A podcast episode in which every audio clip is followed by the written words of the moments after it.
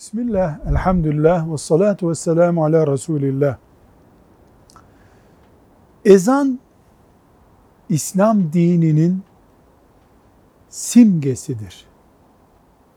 Dolayısıyla ezanın mukaddesliği, İslam'ın mukaddesliği gibidir. Ama namaz kılarken ezan namazın sünnetlerindendir deriz.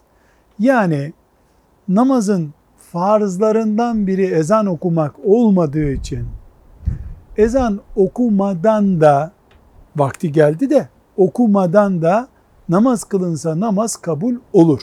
Ama namazın tam sevaplı iyi bir namaz olması için ya ezanı dinlemek lazım okunan yerde ya da kendimizin okuması lazım. Velhamdülillahi Rabbil Alemin.